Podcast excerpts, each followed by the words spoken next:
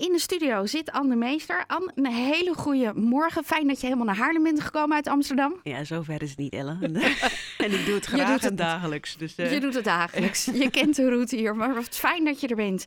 Ehm, het is de tweede keer dat ik je spreek in een maand. Eh, vorige keer eh, hebben we het gehad over de eh, annex. Daar gaan we het straks nog over hebben. Dat is jouw afscheid van Haarlem en van het museum.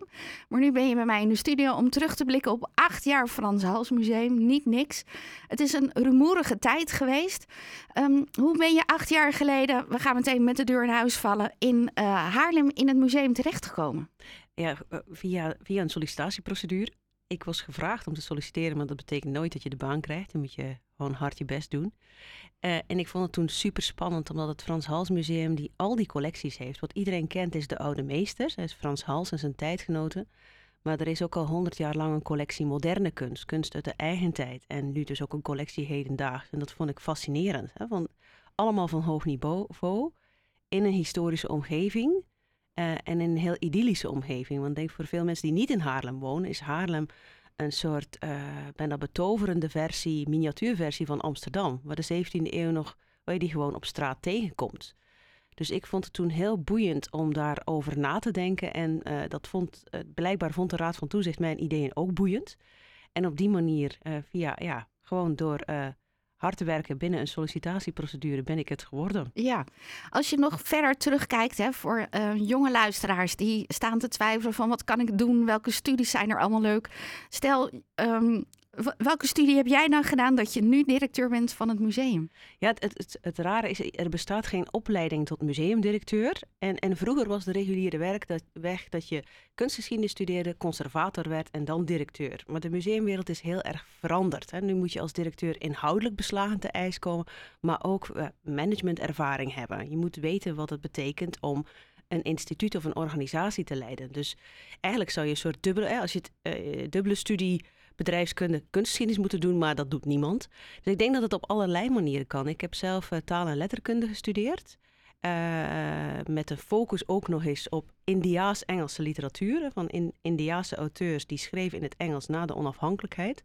Dus dat is eigenlijk helemaal geen recht. eh, het is een zigzagpad naar het directeurschap. En ik denk dat de meeste directeuren dat afleggen. En dat voor iemand die jong is, denkt van ga iets studeren als je geïnteresseerd bent in kunst. Ga iets studeren dat daar verband mee houdt. Dat kan kunstgeschiedenis zijn, maar ook cultuurwetenschappen, theaterwetenschappen, filmwetenschappen. eh, of iets helemaal anders, sociologie, politicologie of helemaal niks. Hè? Maar beleef je eh, diep je kennis en je passie voor kunst uit en doe daarna ervaring op. Want ik, hoe het voor mij ook heeft gewerkt, is vooral heel veel in de praktijk leren. Van eh, het, door het te doen, door stage te lopen. Ik heb heel veel stages gelopen. En dan eigenlijk onderaan de ladder te beginnen en gewoon met heel veel. Zeg, Mijn motto is altijd een beetje: je, hebt zo, je had zo'n Britse serie, Curb Your Enthusiasm. Hè, perk je enthousiasme in. En ik heb altijd het omgekeerde gedaan. Don't curb your enthusiasm. Want, Ga ervoor. ja, wees enthousiast, werk hard, want dat is het wel in de sector. En, eh, en probeer en durf ook te falen. Want dat is denk ik, eh, eh, van fouten leer je ook. En van struikelen doe je nieuwe vaardigheden op. Dat is eigenlijk een beetje wat je in het onderwijs ook heel erg terug eh, hoort van een growth mindset in plaats van een fixed mindset. Ja, niet te richten, ja, precies. Wat, Ja. wat de kinderen nu meekrijgen, je hoeft niet alleen resultaat en actie. Het proces is ook heel waardevol. En eh, niemand gaat in één rechte lijn ergens naartoe. Of ja, sommige mensen wel, maar de meeste mensen Nee. kronkelen ergens heen. Zeker op het moment. Ik denk de laatste jaren zijn er heel veel mensen die, of jonge mensen die, eh, ze doen de ene studie, maar komen ergens anders uit. Terecht, ja. En dat is denk ik ook moet ergens bevrijdend zijn. Want ik weet nog, toen ik begon met studeren, had ik enorm veel angst. Want ik dacht van, ik weet niet wat ik wil. Ik vind deze studie leuk, maar wat ga ik dan doen? En ik was de eerste die naar de universiteit had. Dus in onze familie, ik had ook geen voorbeeld. En ik had zoveel eh, eh, soort beklemmende angst. En achteraf denk ik van, oh, dat was nergens voor nodig. Als je maar vertrouwt dat je ergens terechtkomt, dan is dat veel bevrijdender en is je, je pad ook veel leuker. In plaats van dat het alleen maar is van, oei, oh, au. Ja. Ja. Maar hoe kom je dan van de literatuur toch in schilderijen en kunst terecht? Ja, via, via de journalistiek. Eh, ik heb altijd een hele. Ik heb literatuur gestudeerd, maar ik ben altijd eh, sinds ik tiener was, want daarvoor niet, geïnteresseerd geweest in allerlei vormen van kunst. Ik zat in een amateur toneelgezelschap. de, in Stenen bij Oostende, een heel klein dorpje waar we boven een café toneel opvoerden. Maar ik ging ook zelf eh, heel veel boeken lezen over schilderkunst of uh, met, met, de, met school naar musea. Dans vond ik geweldig. Dus ik was heel breed geïnteresseerd. En door de na mijn studie literatuur en linguïstiek heb ik nog een jaartje cultuurwetenschappen gedaan. En toen dacht ik, en wat nu? toen ben ik stage gaan lopen met een krant, De Morgen. En dat vond ik geweldig, want het was de adrenaline van de verslaggeving en je overal in verdiepen. Ik zat op de cultuurredactie. En toen dacht ik echt dit wil ik doen. Want uh, de, de dagbladjournalistiek is iedere dag een piek. Dat is iedere dag. En je moet heel alert zijn en je leert heel veel. Um, en, dus, je mag heel nieuwsgierig zijn. Ja, en ik denk dat is de grote, want iedereen, eh, zelf zag ik eens, wat is de connectie? Ik denk in de nieuwsgierigheid. Als journalist moet je, dat weet jij ook, je moet uitermate nieuwsgierig zijn en continu verwonderd en kritisch. En dat zijn ook de dingen die ik nog dagelijks in mijn werk nodig heb. Nieuwsgierigheid en uh, kritische analyse. Dus in die zin, um, nu pas begrijp ik, nu ik 46 ben, oh ja, het heeft wel iets met elkaar te maken. En ik kreeg toen de kans om uh, vanuit de journalistiek uh, te werken in een museum door een, een zeer bijzonder figuur, Jan Hoets museumdirecteur in Gent, zeer flamboyant, zeer controversieel. Hè? Een soort uh, vlammende ster was Jan. Je kon je eraan branden, maar je ook aan, hè? ook aan warmen. En hij vroeg mij of ik zijn, een van zijn assistenten kon worden. En dat is nog steeds, als ik dat nu vertel, lijkt het een heel raar twisted sprookje. Maar het was echt zo. En het was uitermate onprofessioneel, want hij deed geen sollicitatieprocedures. Hij vroeg een beetje rond en dacht oh ja, die is wel interessant, dat gaan we dan proberen. Uh, dat, dat is mijn geluk geweest, dat ik door hem, sorry, uh, in, in het museumvak kon rollen. Maar ik denk ook dat ik vooral heel veel geleerd heb, ook van mijn, mijn collega's in, in, bij de krant.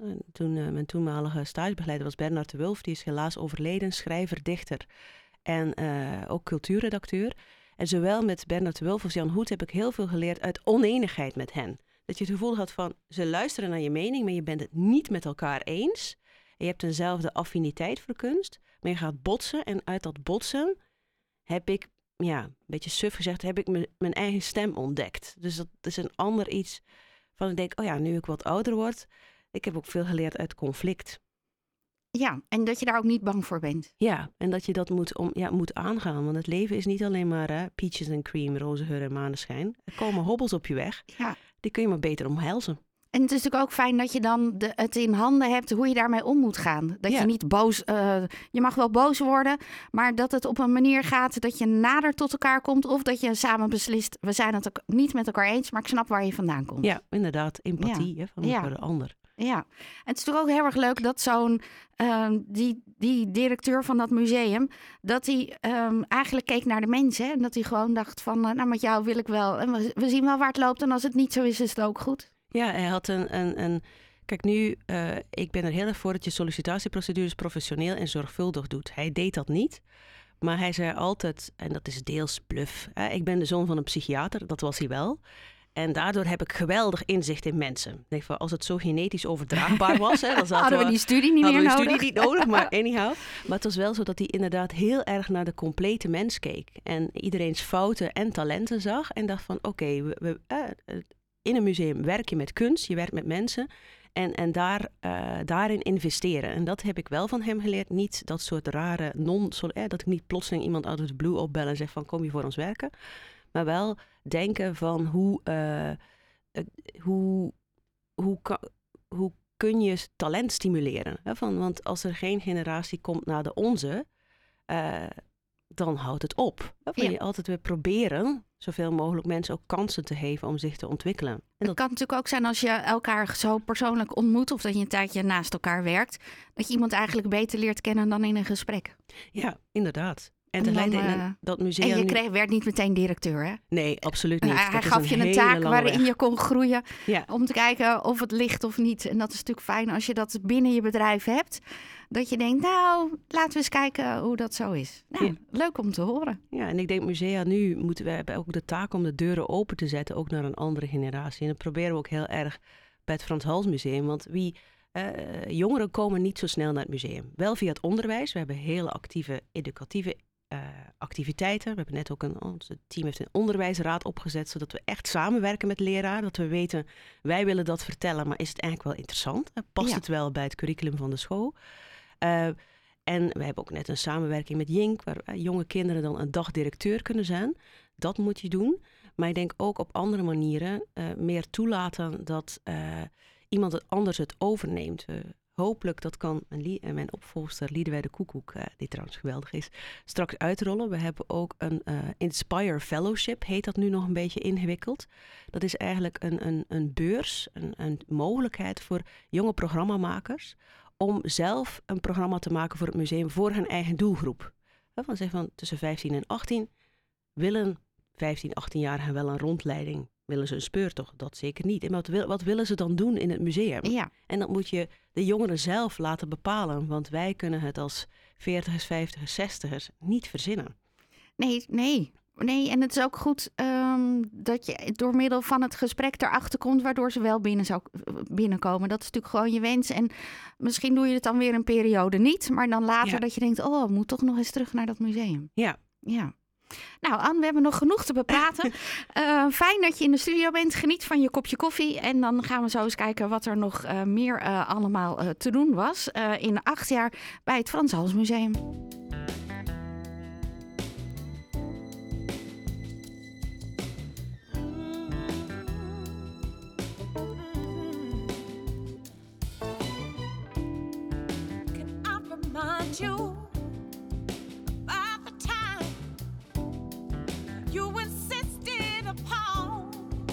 your mind.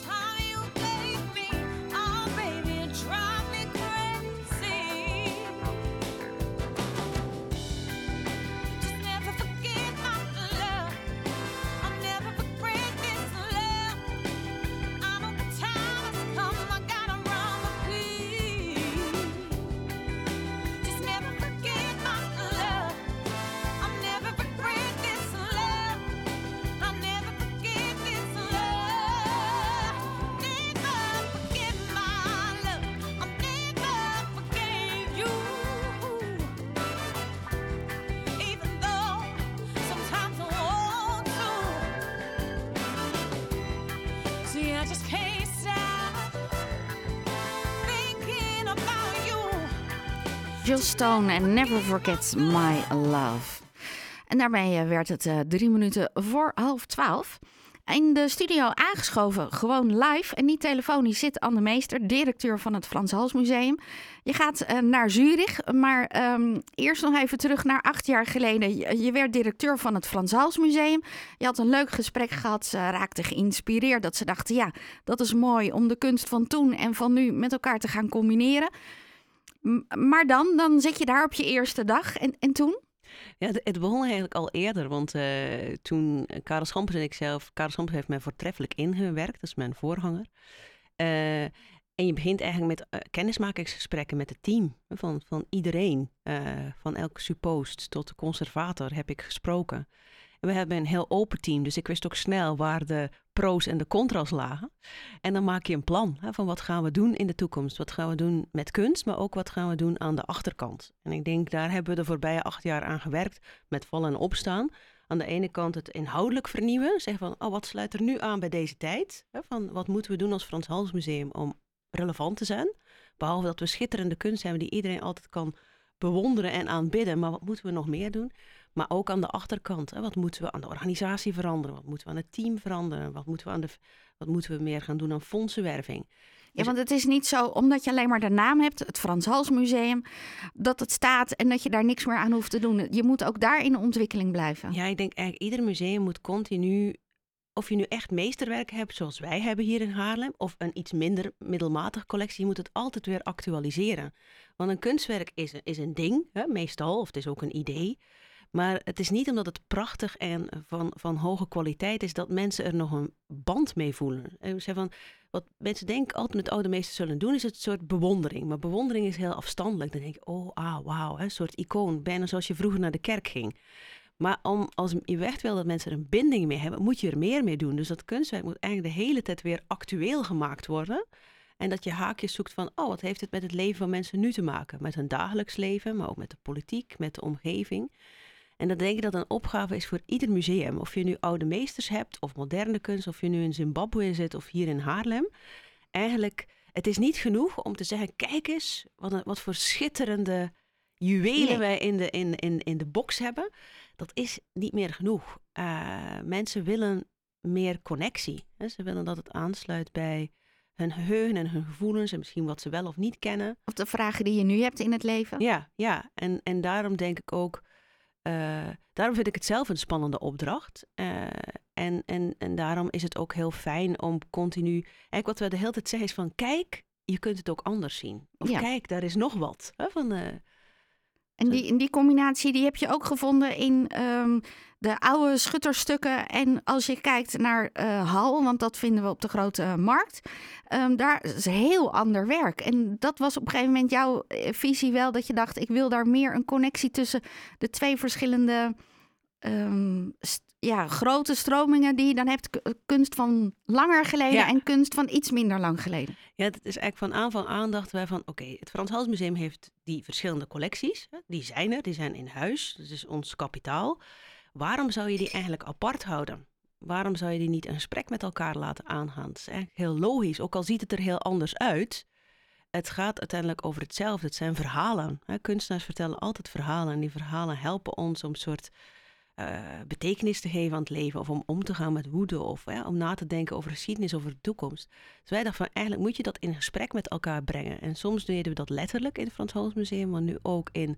We hebben een nieuwe collectieopstelling sinds 2018. Haarlemse Helden. Andere meesters. En die wisselt eigenlijk om de paar maanden. Er gebeuren daar nieuwe dingen in. En dan brengen we ook moderne en hedendaagse kunst tussen de oude meesters. En straks bijvoorbeeld zullen we een werk dat we vorig jaar hebben aangekocht van Surinaams-Nederlandse kunstenaar Patricia Kaarsenhout. Uh, Guess Who's Coming to Dinner. Is een heel grote tafel, eigenlijk een soort eerbetoon aan sterke vrouwen en vergeten vrouwen in de geschiedenis, vooral vrouwen van kleur. Die zullen we in de schutterszaal plaatsen tussen de belangrijke heren van Frans Hals.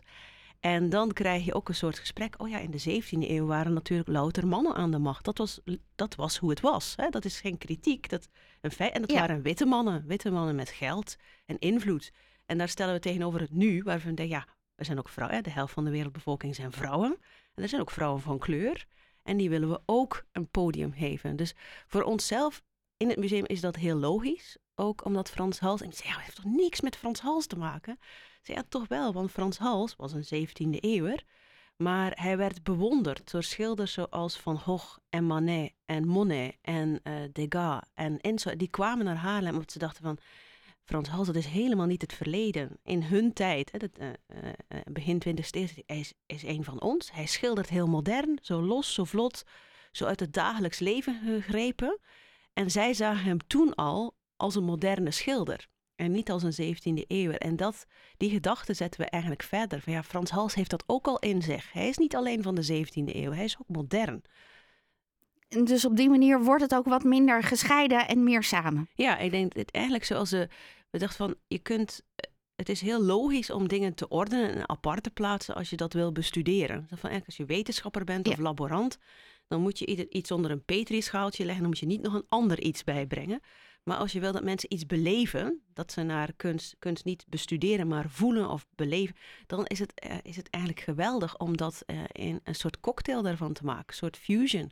Nou, is die expositie, wat je net zei, uh, die is nu te zien in Hal, die eettafel? Ja, die is helaas voorbij. Ja, hè, van, maar die was daar te zien? Die was daar te zien en die gaan we nu als we weer open kunnen. Ja. En uh, de tentoonstelling Jordans, die trouwens ook geweldig is. Dus ik hoop echt dat de lockdown snel ophoudt. Dat mensen Jordans nog kunnen zien. Dan gaan we die tafel in de schutterszaal plaatsen. Maar zouden de schutterstukken ooit naar de grote markt kunnen? Uh, dat, dat, dat, is wel, dat was een droom, maar dat kan binnen de huidige omstandigheden niet. Het, het klimaat is daar niet goed. Er zou echt een heel grondige verbouwing nodig zijn om die oude mee. Soms is het ook heel praktisch. Hè, van, ja, uh, ja, maar meer praktisch dan het gevoel. Ja, zeker meer praktisch meer dan het gevoel. Ja. Want een van mijn dromen was ook om bijvoorbeeld de Bergheides, uh, de Haarlemse tijdgenoot van uh, Frans Hals, specialiseert in stadsgezichten, heeft heel vaak gezichten op de grote markt geschilderd. En hoe fantastisch zou het zijn als je die niet op het Groot Heiligland zag, ja. maar op de grote markt. Ja. Alleen de uh, dromen uh, staan heel vaak praktische bezwaren in de weg. En, en dat is zo. De, de, de vleeshal is nu niet geschikt fysiek voor het tonen van oude kunst. Dat zou te gevaarlijk zijn voor de kunstwerken. Voor het, ja, maar dat is een andere reden dan dat het een stijlbreuk zou zijn. Nee, ik heb, wat mij betreft en wat mijn huidige team betreft, is dat geen stijlbreuk. Nee. Integendeel, hè? dan zit je ook in het hart van de stad. Ja, uh, straks nog veel meer over kunst, want uh, Anne Meester die blijft nog even. Maar het is ook even handig om te kijken, heel praktisch, wat het weer vandaag gaat doen.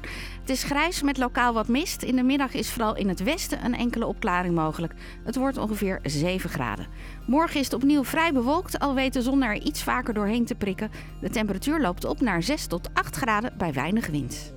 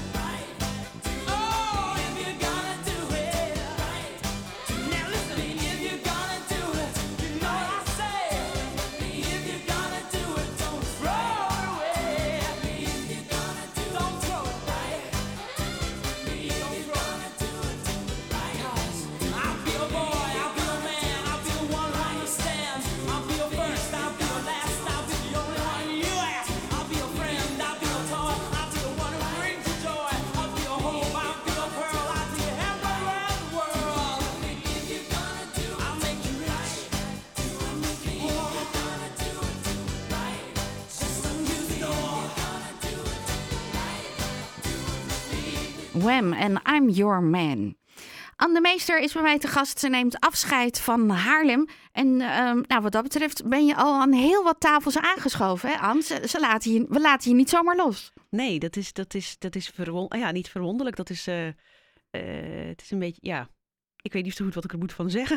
Nee, maar het is toch bijzonder dat je uh, ook aan, uh, in Hilversum aan de grote tafels en uh, daar was je ook op een gegeven moment een graag geziene gast. Je mocht daar ook je beschouwing geven op de kunst en de maatschappij. Ja. Ga je dat missen? ik denk ja en nee. Ik heb het heel graag gedaan, omdat ik denk van als museumdirecteur verdedig je je eigen territorium. Hè? Dat is bij mij het Frans Hals Museum. Dat staat voorop. Maar je wil eigenlijk ook een soort ambassadeur zijn. Of ik zei, denk ook een soort cheerleader, hè? zonder pompons en korte rokjes, voor de hele sector. Want uh, als je alleen maar je eigen terrein uh, verdedigt, dat, ja, de, de, kunst heeft meer soort ambassadeurs nodig. En uh, dat denk ik was ook een soort. Uh, in die zin ben ik een, een aangenomen dochter van Jan Hoet. Die deed dat ook altijd. Die had zoiets van ja, het smak is het allerbelangrijkste, maar de kunst. En uh, dus ik heb het heel graag gedaan.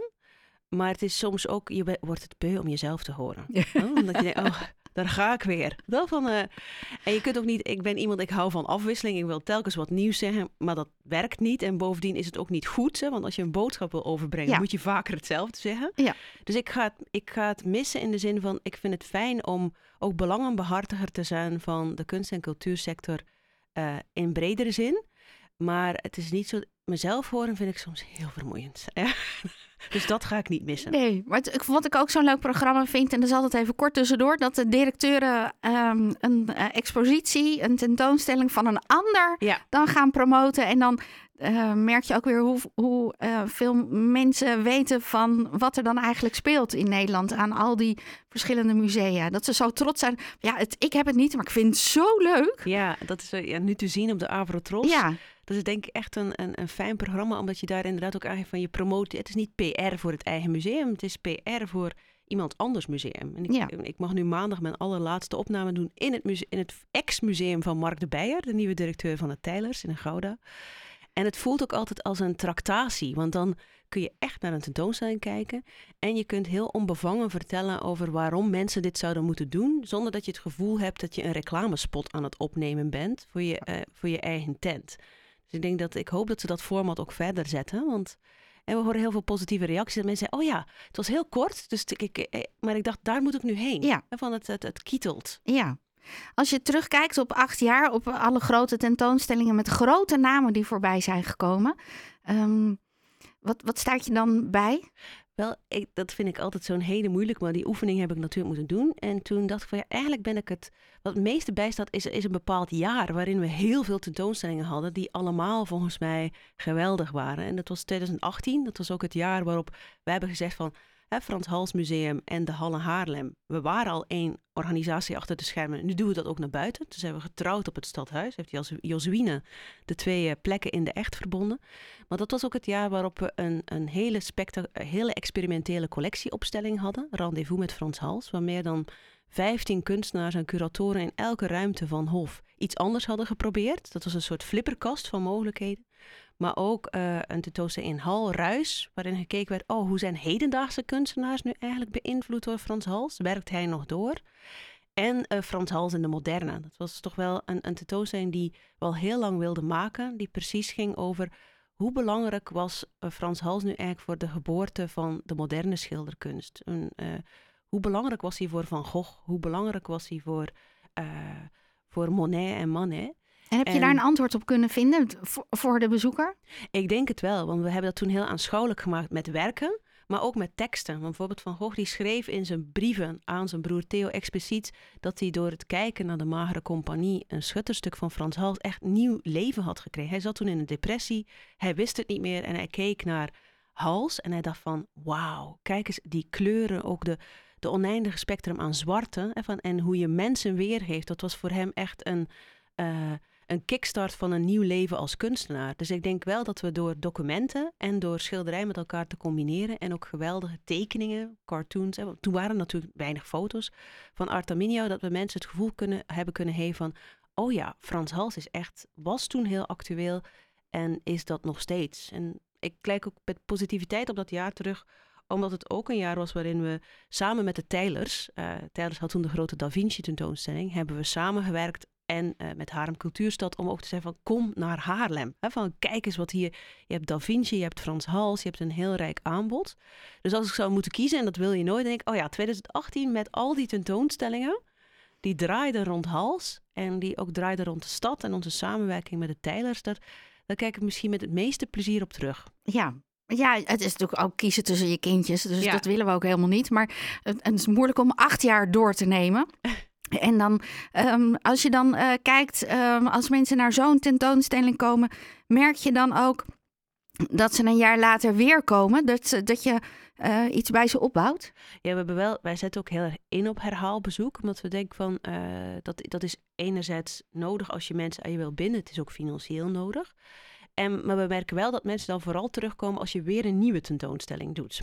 Van, ja. Het is niet zo dat ze dan denken, oh, dat wordt mijn favoriete plek. Daar ga ik gewoon bijna als een soort pelgrimstocht. Hè? Ga Elke keer iets nieuws zien in wat er al is. Maar... Je moet ze toch telkens weer uh, naar je toe trekken met een nieuwe tentoonstelling. Uh, en dat is ook een discussie die we vaak hebben. Van, ja, waarom uh, moet je nog wel tentoonstelling doen? De collectie is toch al schitterend?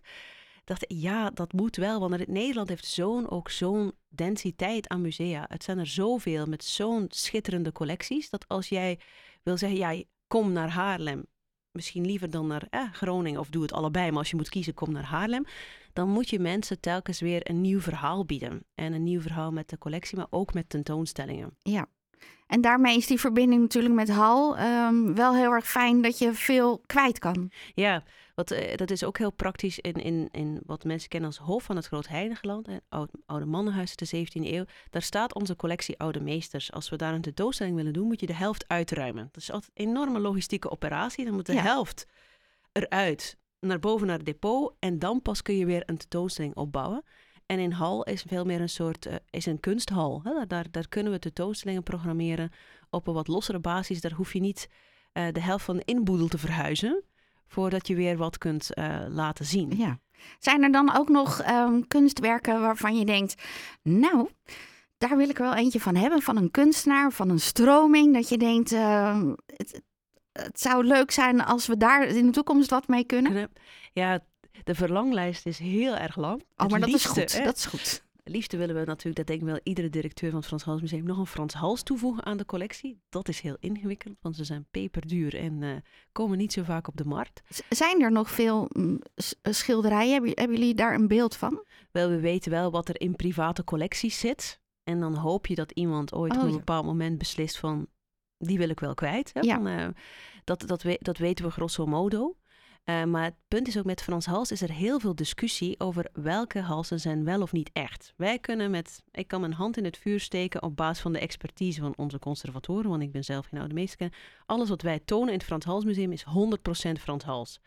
Maar wat we zien is, er is een jarenlange discussie geweest tussen twee grote Frans Hals-kenners. Seymour Slive, die is al gestorven.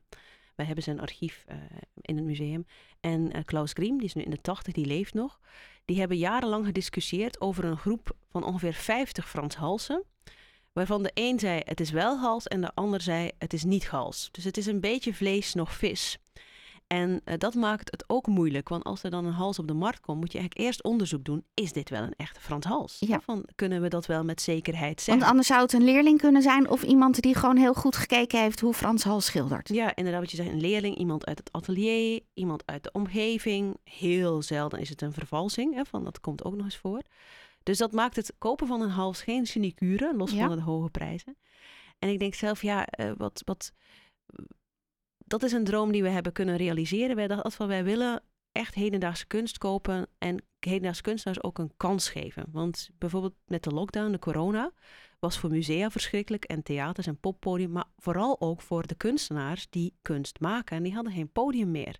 En we hebben toen besloten ons aankoopbudget, het afgelopen jaar, gaan we niet, uh, gaan we niet dingen mee kopen die al bestaan. We gaan kunstenaars een opdracht geven om nieuw werk te maken voor het Frans Hals Museum. En dat hebben we gedaan met kunstenaars die in Nederland wonen en uh, Nederland zijn, al met Ogut, Siminike Belungu, maar ook aan buitenlandse kunstenaars, zoals Simon Fujiwara. Hij zegt van, dit is onze collectie, dit is ons gebouw.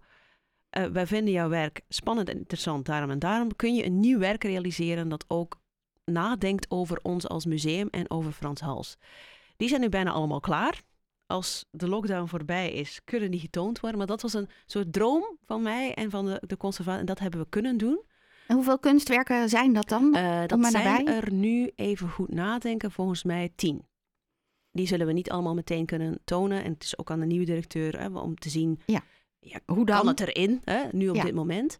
Ehm, maar je vroeg niet naar de dromen die zijn uitgekomen, maar de verlangens die er zou, nog zouden zijn. Ik denk een Manet, een Edouard Manet. Dat zou, eh, omdat je dan echt kunt laten zien Hoe hij beïnvloed Hoe- ja, werd door door, Frans Frans Hals. Want mensen zien dat altijd los van elkaar. Hè? En, en het is voor ons, denk ik, als Frans Hals heel belangrijk om fysiek te bewijzen dat Frans Hals die invloed had. En dat hij dus veel, dat hij net zo belangrijk was als Rembrandt hè? Van, eh, en als Vermeer. Maar Manes, ja, dat, eh, misschien komt er ooit een schenking, wie weet. Maar dat zou fantastisch zijn. We hebben het in ieder geval laten horen. Ja. Hè? Als Bij deze, een Manet ja. in de kast heeft. Dat... Binnenkort neem je echt afscheid. En ook van al je collega's. Daar gaan we zo meteen nog even op vooruitblikken. Want eh, de Haarlemmers kunnen daar online ook bij zijn.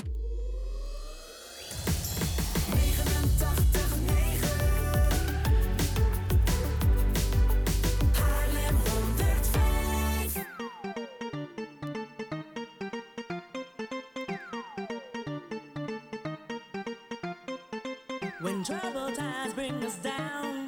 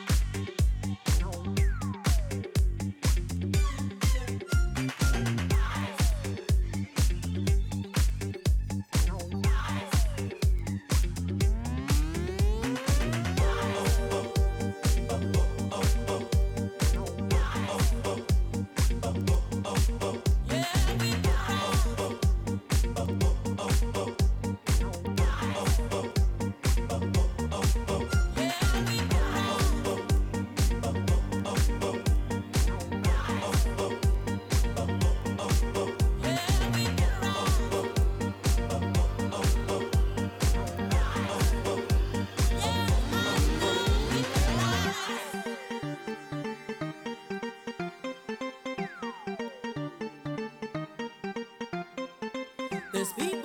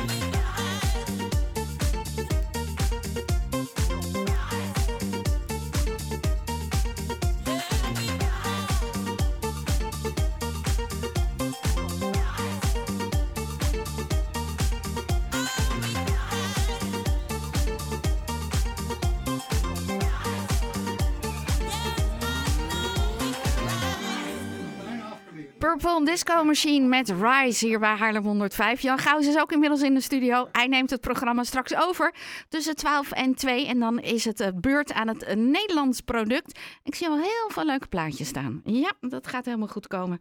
En Anne Meester, ze neemt afscheid van Haarlem en van haar geliefde Frans Hals Museum. Gelukkig weet ik, Anne, want dat heb je me vorige keer verteld, dat er een Frans Hals hangt in Zurich. Ja. Dus als je ons heel erg mist, dan ga je gewoon daarheen. eh, depot in. Dan zeg je, misschien kan je hem wel op je werkkamer ophangen. Oeh, ik vrees dat dat niet mag, maar ik kan er makkelijk iedere dag heen. En onze conservator hier in Haarlem, Norbert Middelkoop, heeft net afgelopen zaterdag over dat schilderij een soort ontdekking gedaan. Hij denkt te weten wie het is, dus ik ga er met nog meer aandacht Oh, naar oké. kijken. Dus wellicht dat het dan toch ooit naar Haarlem kan komen. Dat, ja, dat durf We ik hebben nu contacten, hè? Ja, dat scheelt. warme relaties. Ja, we gaan het zien. Ehm, in ieder geval, ehm, het, is je laatste maand eh, officieel. En daarna draag je ook nog het werk over aan je opvolger. Maar eh, je gaat afscheid nemen met een online talkshow. Dat doe je op 27 januari. Voor de luisteraar, ehm, het is op een donderdag en het is middags. Ja. En dan om twee uur en dan is het allemaal live. Eh, kijk je er naar uit? Zie je er tegenop?